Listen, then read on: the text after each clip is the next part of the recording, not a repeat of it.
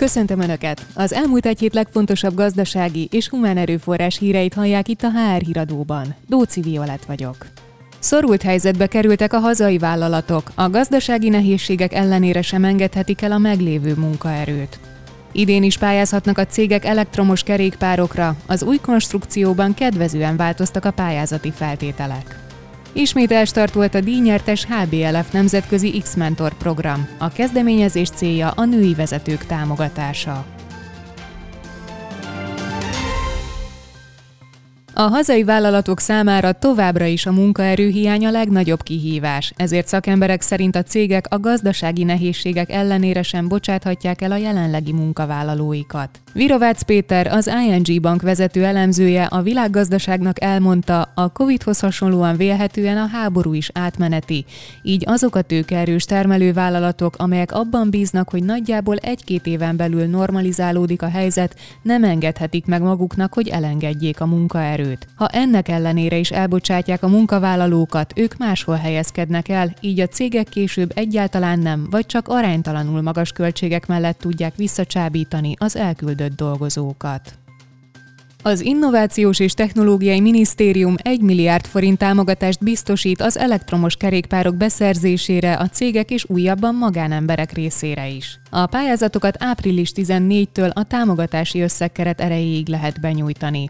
A korábbi kiíráshoz képest a jelenlegi konstrukcióban kedvezőbbek lettek a pályázati feltételek. Emelték a támogatás mértékét az elkerékpárhajtási rendszerétől függően 90 ezer helyett 100 ezer, illetve 150 ezer helyett 180 ezer forint igényelhető, valamint az eddigi szakaszos beadás helyett folyamatosan lehet jelentkezni. Az új kiírásban a pályázók körét is bővítették, tehát már nem lesz szükség munkáltatói igazolásra a vásárláshoz, így kismamák, diákok, nyugdíjasok is pályázhatnak a támogatásra.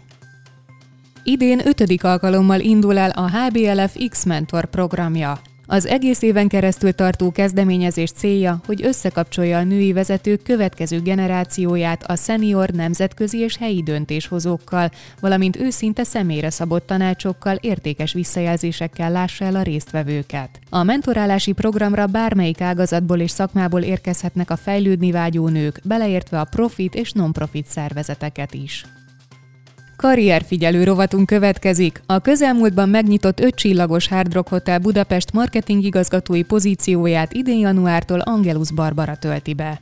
A DVM Grouphoz három kulcsfontosságú pozícióba érkeztek tapasztalt szakemberek. Budai Gyöngyvér HR igazgatóként, Olá Tibor pénzügyi igazgatóként, Visi András pedig account managerként erősíti a DVM csapatát.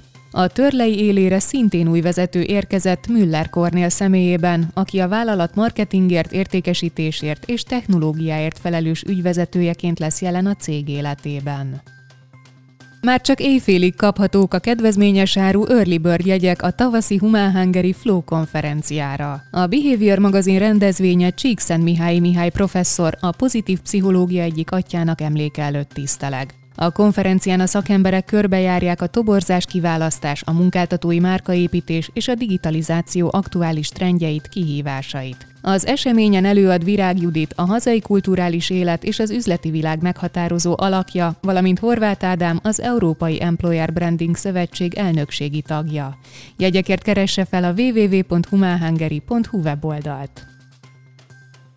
Ez volt már a HR híradó. A hírszerkesztők Bajsánszki Zsanett és Maracska Flóra nevében is köszönöm, hogy minket hallgattak. Jövő héten pénteken ismét friss hírekkel jelentkezünk, tartsanak velünk legközelebb is.